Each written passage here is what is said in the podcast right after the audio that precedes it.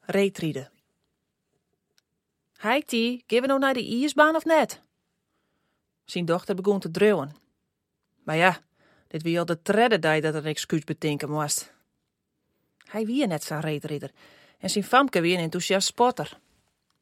Troch het hier kon hij haar perfect begeleerde, omdat er zelfs ek een fanatiek sporter wie. Maar, maar dat reetriden koe er net goed uit de voeten. En dus betocht er weer een verlegje. Hij kon net zo goed reetrieden en zijn fanatieke ziel kon dat net zetten.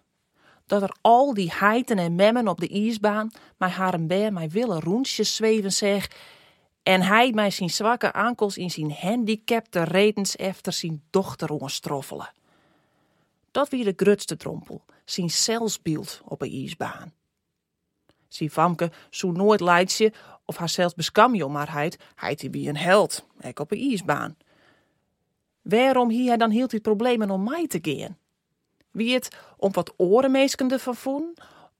Of dat er ervan baalde dat hij jet iets al verlegjes betocht om mijn zienheid mij te gaan? Hij kon het net bedenken. Doch wie het al jaren Thank you.